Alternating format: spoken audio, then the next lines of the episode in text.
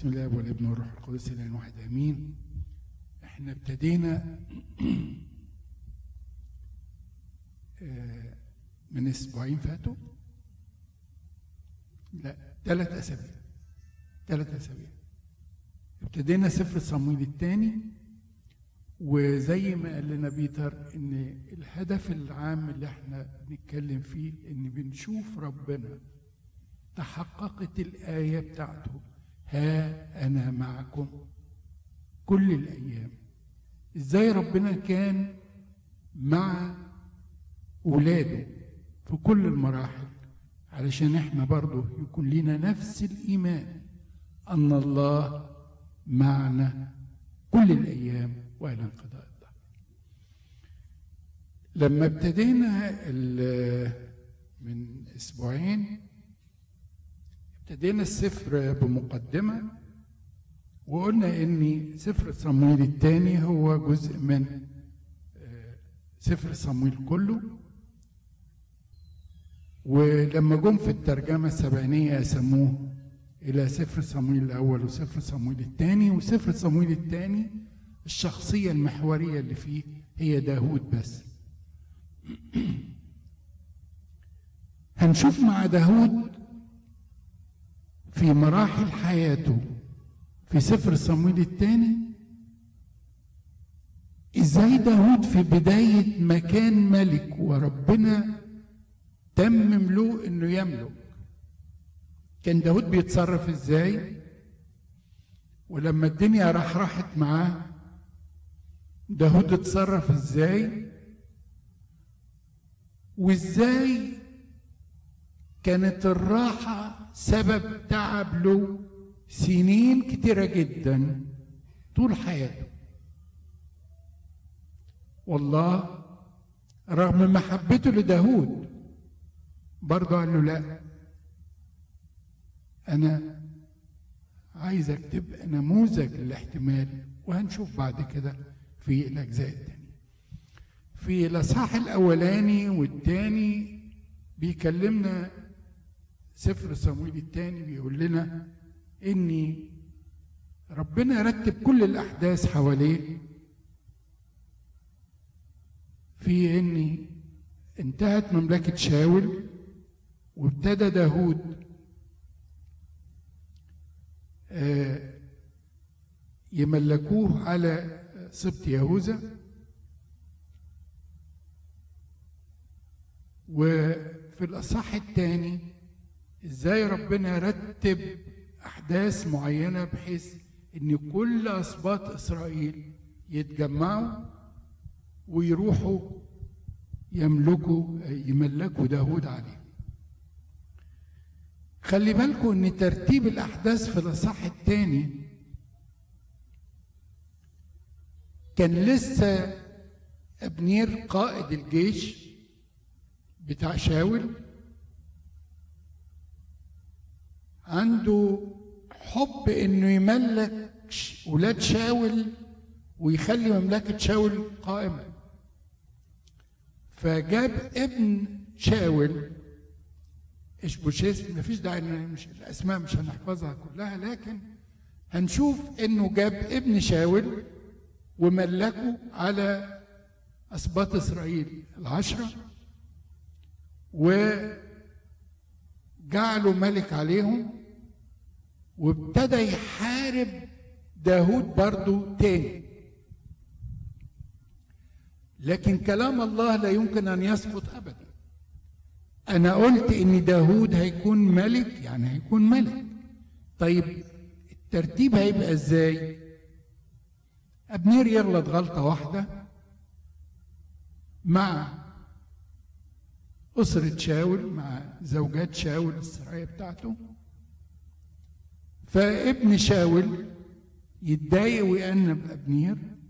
أبنير قائد الجيش وكان له شخصية عظيمة إنما ابن شاول كان ضعيف الشخصية. فلما ابن شاول قال أنب أبنير طبعا أبنير قال له أنت إيه الكلام اللي بتعمله ده؟ وراح لداود وقال له أنا هجيب لك بقية شعب إسرائيل. عشان تملك عليه.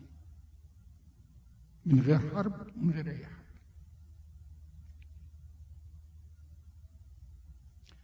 القصة بعد كده إن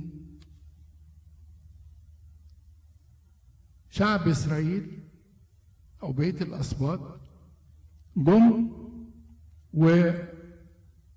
وملكوا شاول عليهم وده في بداية أصحاح. وقت داود ما ملك كان سنه 30 سنة. صغير. لكن لما تشوفوا كيف كان يتصرف داود ما كانش صغير. لأن ما كانش بيتصرف من ذاته. كان مين معاه؟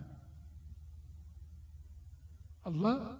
كان بيطلب من ربنا دايما الإرشاد ويقول له أبتدي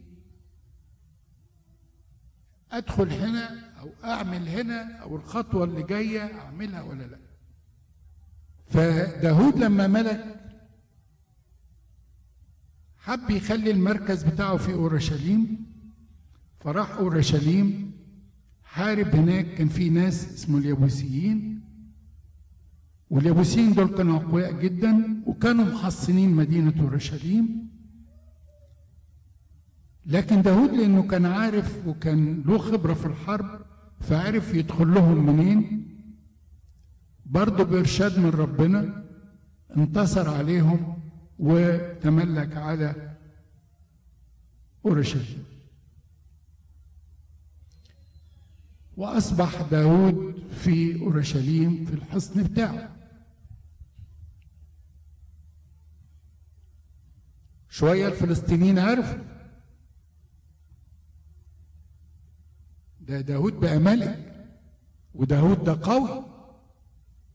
لا لازم نحارب فجهزوا جيش علشان يحاربوا داود. طب داود يتصرف إزاي؟ تعالوا نشوف في عدد 19 من اصحاح خمسة؟ بيقول وسأل الرب وسأل داود الرب أصعد إلى الفلسطينيين. فكان رد ربنا له إيه؟ اصعد. اصعد لأني دفعا أدفع الفلسطينيين لديك.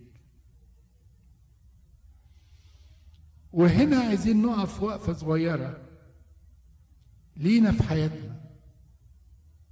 إمتى استشر ربنا واخد رأيه؟ وازاي؟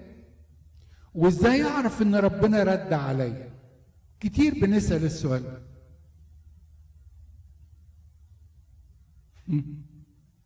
إمتى اعرف ان ربنا يعني عايزني أروح في الاتجاه ده ولا أروح في اتجاه تاني؟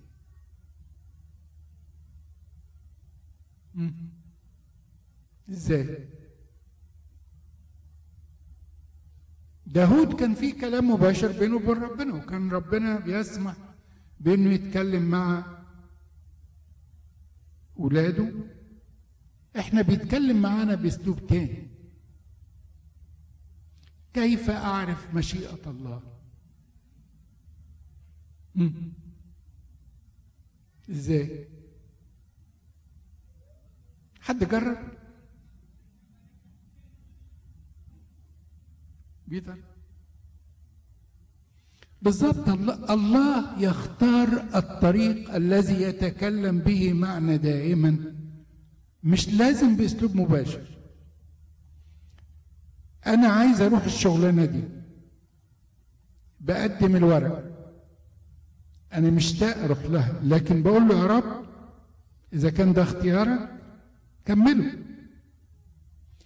ألاقي إن ربنا فعلا بيسهل الخطوات ورا بعض بيمشيه أحيانا ألاقي لا ده في وقفات معينة كده لا ارجع من هنا ما تكملش. أنا مش عايزك تكمل. أولاد ربنا بيحسوا بهذا الكلام. الحاجة الثانية ان قال أولاد ربنا بإحساسهم من جوه وارتياحهم القلبي لله. بيلاقوا فعلا إنهم آه ده فعلا ده من عند ربنا. خلاص أنا همشي فيه. ويبقى عنده فرح وسلام داخلي ناحية الشيء اللي ربنا اختاره له. فداود سأل ربنا في المعركة الأولانية وفعلا حارب الفلسطينيين وانتصر عليهم. فعدد 22 الفلسطينيين قاموا تاني على داود وعايزين يحاربوه. فربنا قال له لا استنى بقى. لا ما تروحش تحارب بالطريقة الأولانية. أنا بقى مرتب لك ترتيب تاني. إيه ده يا رب؟ مش أنا قلت ها أنا معكم؟ أنا مش هسيبك. المرة دي أنت هتلف حواليهم. ولما تسمع صوت فوق أشجار البكا أشجار الأشجار دي بتنزل قطرات من سائل صمغي له رحلة معينة فبيسموها أشجار البكا حينئذ احترس لأنه إذ ذاك يخرج الرب أمامك لضرب محلة الفلسطينيين. يعني أنت مش هتحارب يا داود أنا اللي هحارب أنا اللي طالع قدامك. يخرج الرب أمامك. فكروا في دي كويس أوي. يخرج الرب أمامك لضرب محلة الفلسطينيين. أصح ستة جميل قوي بقى من أعمال داود الجميلة. إنه خلاص بقى انتصر في الحروب. لكن تابوت العهد عايز يدخله ويرجعه اورشليم.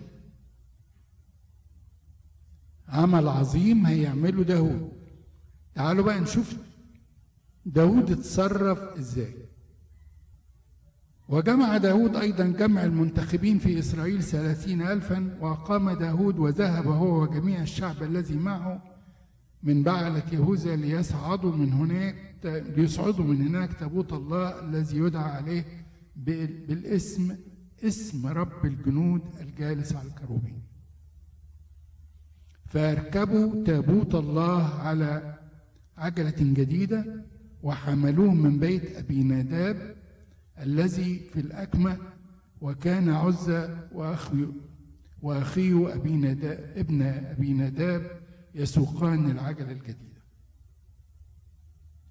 فأخذوها من بيت أبي نداب الذي في الأكمة مع تابوت الله وكان أخو يسير أمام التابوت وداود وكل بيت إسرائيل يلعبون أمام الرب يعني بيرقصوا قدامه بكل أنواع الآلات من خشب السرو بالعيدان وبالرباب وبالدفوف وبالجنوب وبالجنوق وبالصنوب. ولما انتهوا إلى بيدر ناخون مد عزة يده إلى تابوت إلى تابوت الله وأمسكه لأن الثيران انشمصت انشمصت يعني حاولت تلعب يمين وشمال. فحمى غضب الرب على عزة وضربه الله هناك لأجل غفله فمات هناك لدى تابوت الله. فاغتاظ داود لأن الرب اقتحم عزة اقتحاما وسمي ذلك الموضع فارس عزة إلى هذا اليوم. إيه الغلطة اللي عملها داود في نقل التابوت؟ نقل التابوت طبعا ده حاجة كويسة جدا لكن غلط. عشان كده ما كانش ربنا مرتاح قوي لأنه ينقلوا التابوت بهذه الطريقة. إيه الغلطة؟ بالظبط كده. لم يستشر الله كما طب انت كل مرة بتستشير ربنا. طب المرة دي ما استشرتش ربنا ليه؟ حاجة تانية؟ غلط غلطة تانية.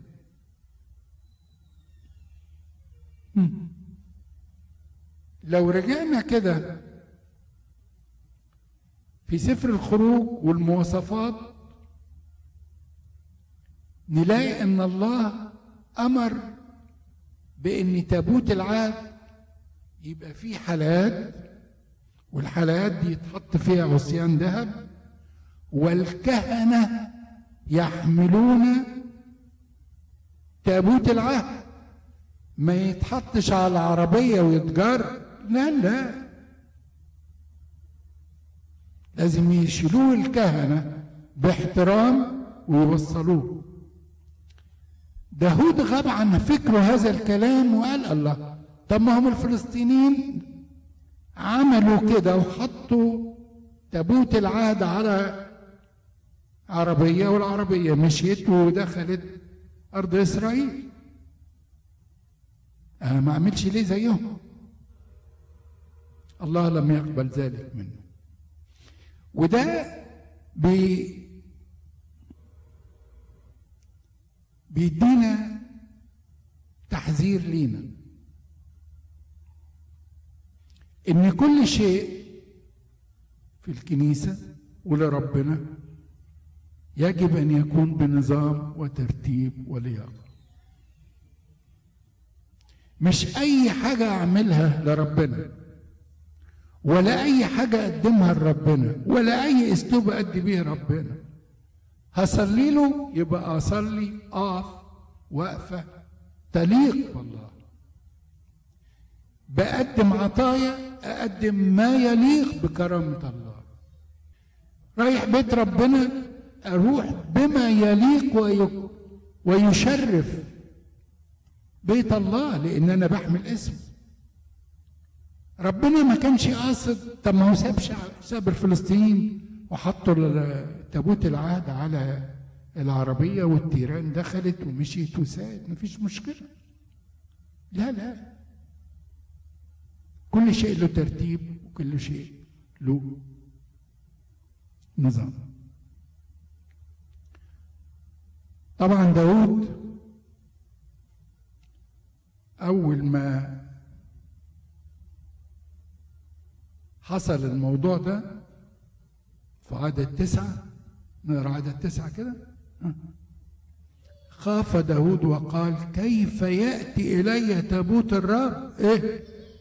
إذا كان هو عمل كده علشان عزة بس مد إيده أجيبه أنا عندي. لا.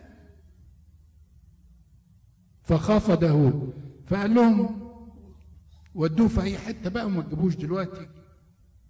عندي في اورشليم فودوه في بيت عبيد واستمر في بيت عبيد لمدة ثلاث شهور وطبعا حيث يوجد الله توجد البركة فبارك الله بيت عبيد وراحوا يبلغوا داود يقولوا له ده بيت عبيد بقى بركة كبيرة عشان عنده تابوت العهد. فداود الله. طب وش معنى بقى؟ لا ما أنا عايز. أنا عايز بيتي كمان. في عدد 12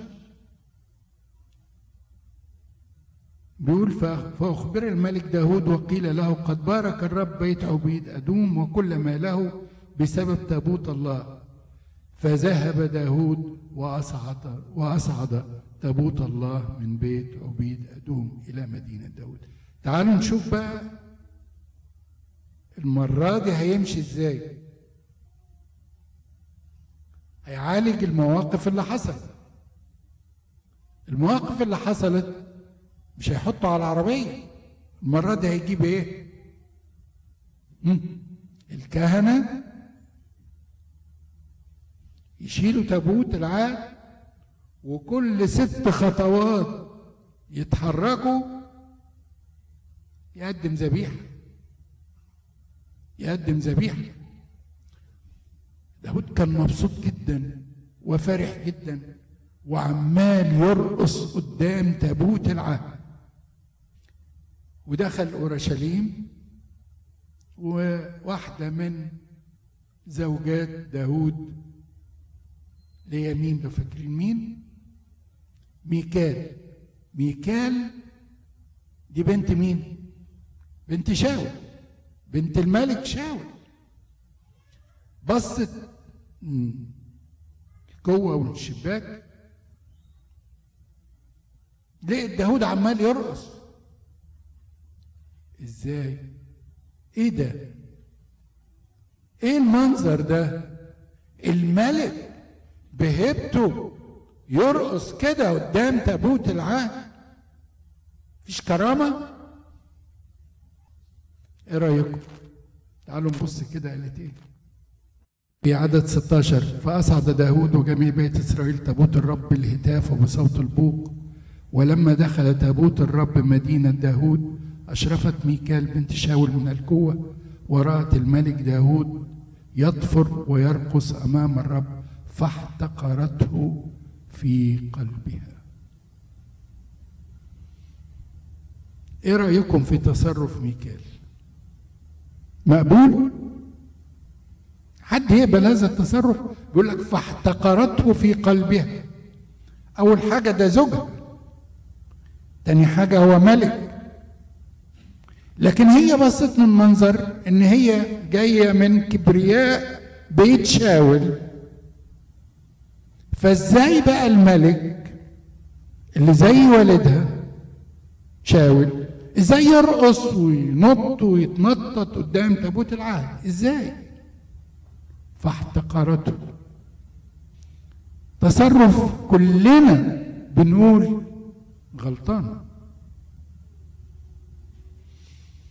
لكن نسأل نفسنا إحنا ما بنغلطش نفس الغلطة. كم مرة إحنا بنبص لناس بيعملوا حاجة لربنا من فرحتهم لربنا وننتقدهم. أقول لكم أبسط حاجة. في ناس صدقوني من ولادنا لما بيلاقوا حد قدام صورة وبيحطوا إيده كده إيه ده؟ يعمل كده ليه؟ لما يلاقي واحدة ست مسكينة ومنسكبه قدام الهيكل وبتمسك ستارة المسبح وتبص. شوف شوف شوف. كم مرة نحن نصنع كما صنعت ميكال.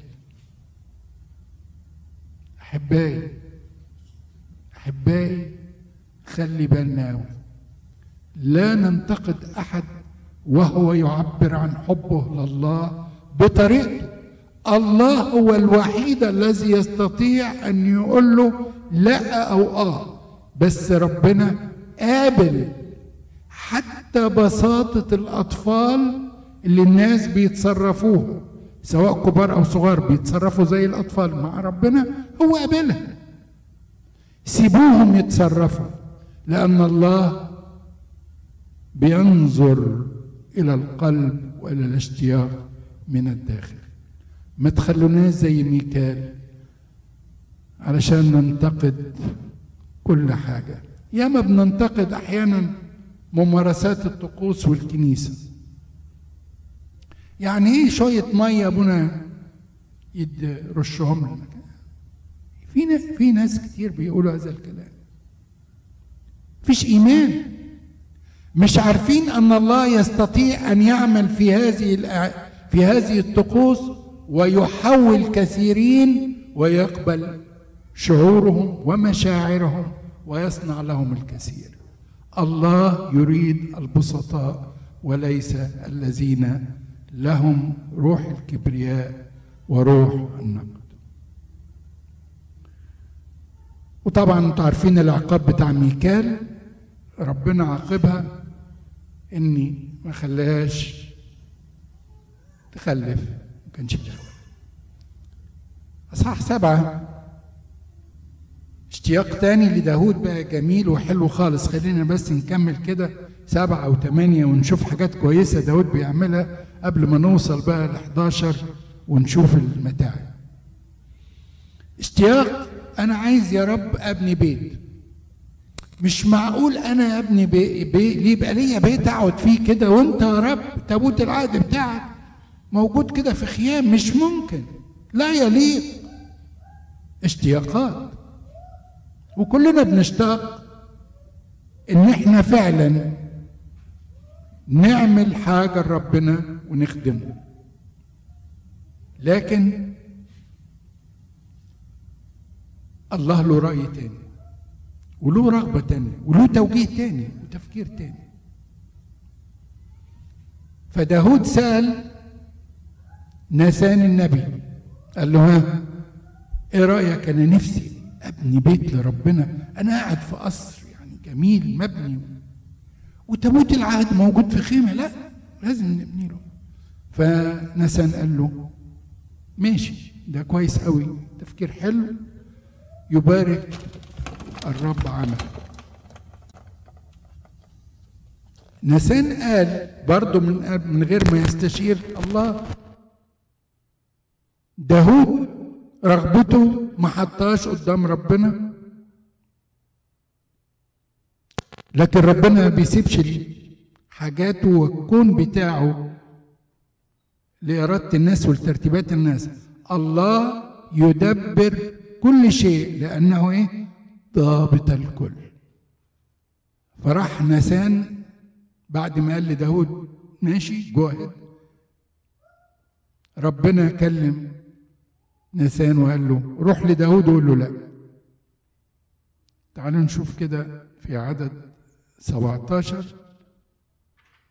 آه ربنا يعني مش عايز بس عشان الوقت بتاعنا النهارده محدود شوية مش عايز أقرأ الكلام اللي ربنا قاله لنسان عشان يبلغ بيه داود كله ربنا قال له يعني أنا أنا يعني آه بقبل ببساطه وكله ولكن إذا كان داود ناوي يبني فمش هيبني البيت لكن أخلي ابنه هيبني.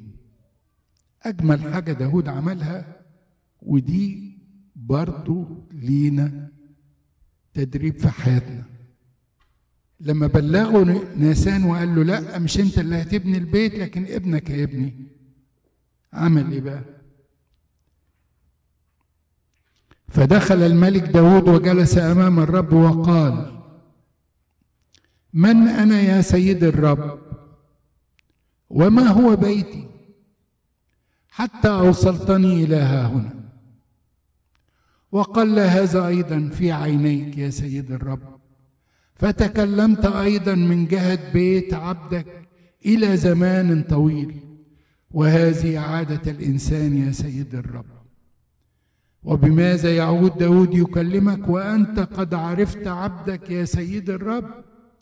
فمن أجل كلمتك وحسب قلبك فعلت هذه العظائم كلها لتعرف عبدك. لذلك قد عظمت أيها الرب الإله لأنه ليس مثلك وليس إله غيرك حسب كل ما سمعناه بآذاننا. وآية أمة على الأرض مثل شعبك إسرائيل الذي صار الله ليفتديه لنفسه شعبا ويجعل له اسما ويعمل لكم العظائم والتخ... والتخويف لأرضك أمام شعبك الذي افتديته لنفسك من مصر من الشعوب وآلهته. وثبتت لنفسك شعبك إسرائيل شعبا لنفسك إلى الأبد وأنت يا رب صرت لهم إلها. والآن أيها الرب الإله أقم إلى الأبد الكلام الذي تكلمت به عن عبدك وعن بيته وافعل كما نطقت ويكمل. لاحظوا إن داود في هذه اللحظة وقف قدام ربنا حس فعلا إنه لا شيء أنا لا شيء. أنا من أنا. يا رب علشان أبني لك بيت. ده أنت خدتني من كنت راعي غنم وثبتني ورفعتني ووصلتني لهذا. ده انت يا رب كان شعبك مذلول في مصر وقفت وسندته وكنت معاه.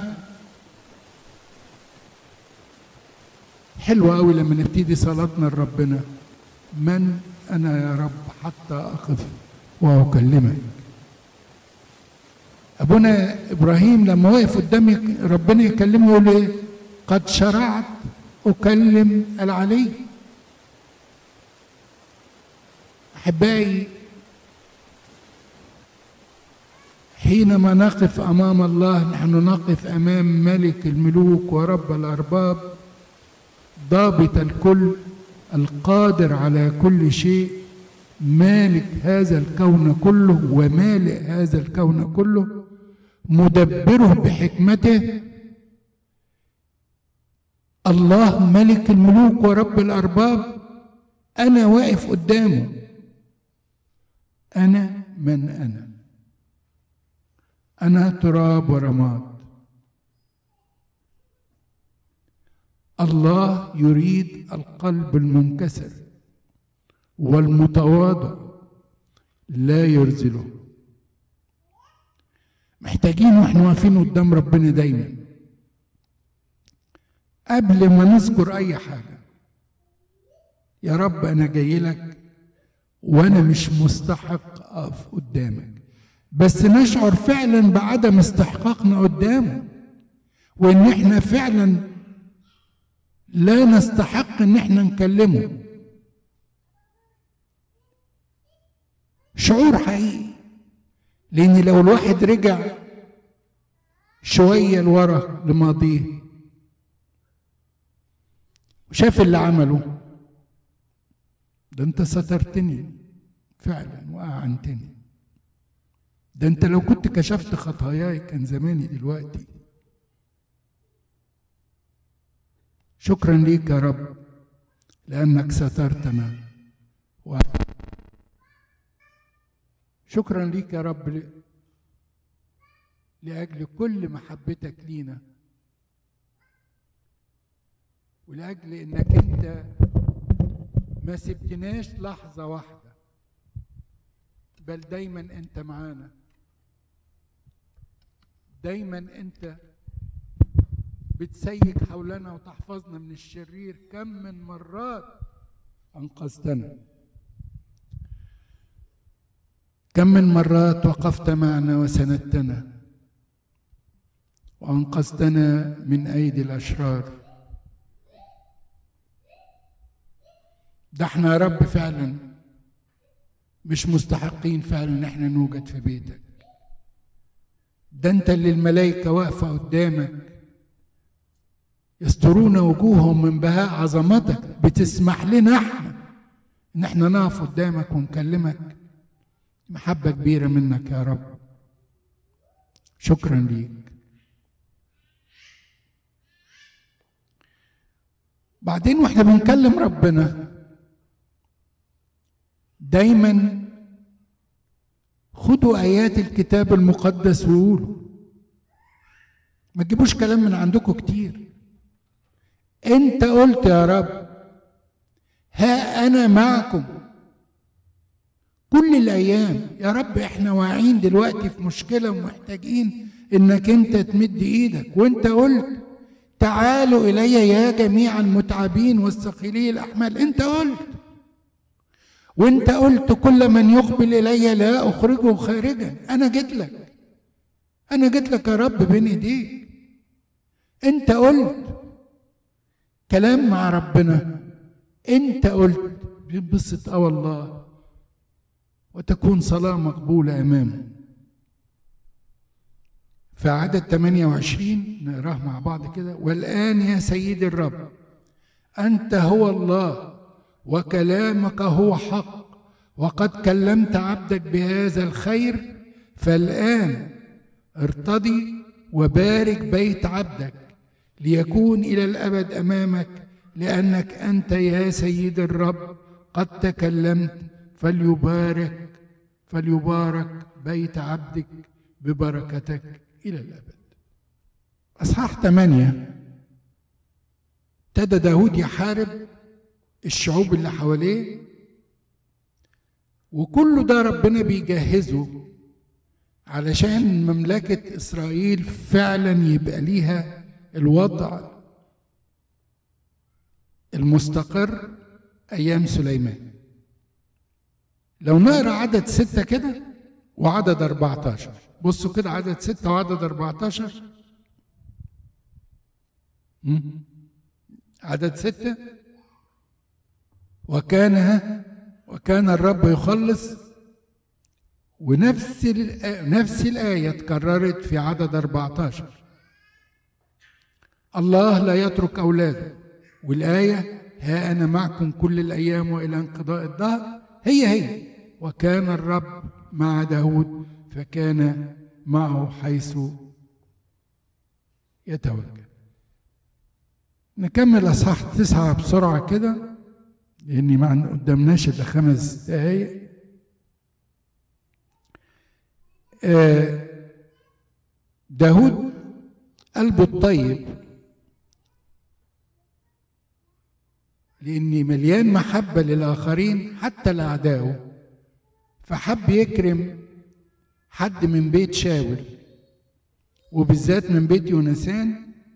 فكان في ابن الشاول لو رجعتوا لاصحاح أربعة هتلاقوا عنه اسمه ما في ما في بوش ما في بوشس وده كان آه، أعرج. ف داود جابه عن طريق الخدم ال- والناس اللي كانوا بيشتغلوا معاه واعطاله كل الأملاك وكل آه، المدن اللي كان فعلا آه، يونسان وشاول بيملكهم.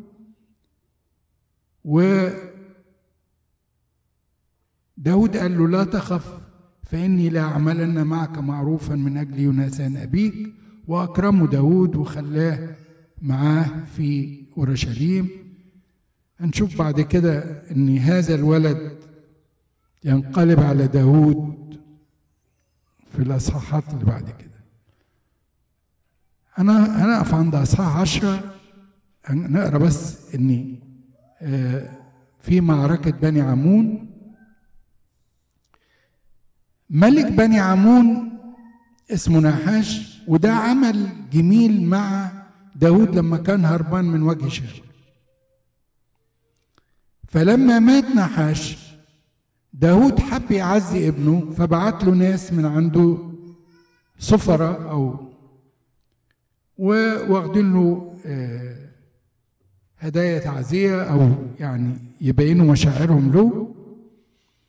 لكن الناس فهموا الموقف خطأ.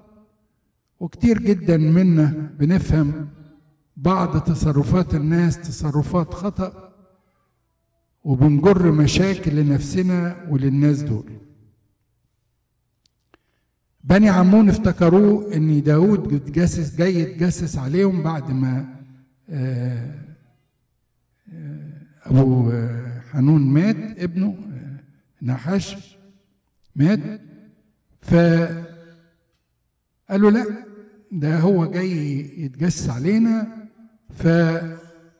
فنجهز ونحارب داود وفعلا جهزوا يحاربوا داود وانتصر داود عليهم. الموقف اللي أنا بس عايز أقوله لكم ان رئيس جيش داود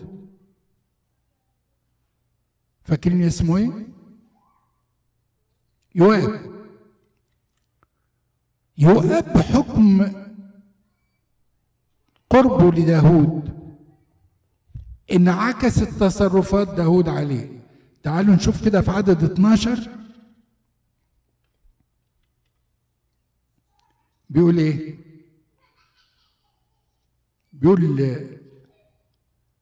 هو رايح هو أخوه فبيقول لاخوه تجلد ولنتشدد من أجل شعبنا ومن أجل مدن إلهنا والرب يفعل ما يحسن في عينيه. يواب له إيمان أن الله هو الذي يقود وهو الذي يحارب من تجاربه اللي شافه مع داود فكانت معركة انتصروا فيها أمام بني عمون و ده بيبين لنا أن تصرفاتنا تنعكس على الناس اللي معانا. لو إحنا في الشغل بنتصرف كويس الناس هيحسوا بينا وهيعرفوا فعلا ويتعلموا منا ومن تصرفاتنا. ولو اولادنا بيسلكوا في المدارس أسلوب كويس الآخرين هيتعلموا منهم. ويعرفوا فعلا أنهم أولاد ربنا لإلهنا كل مجد إلى الأبد.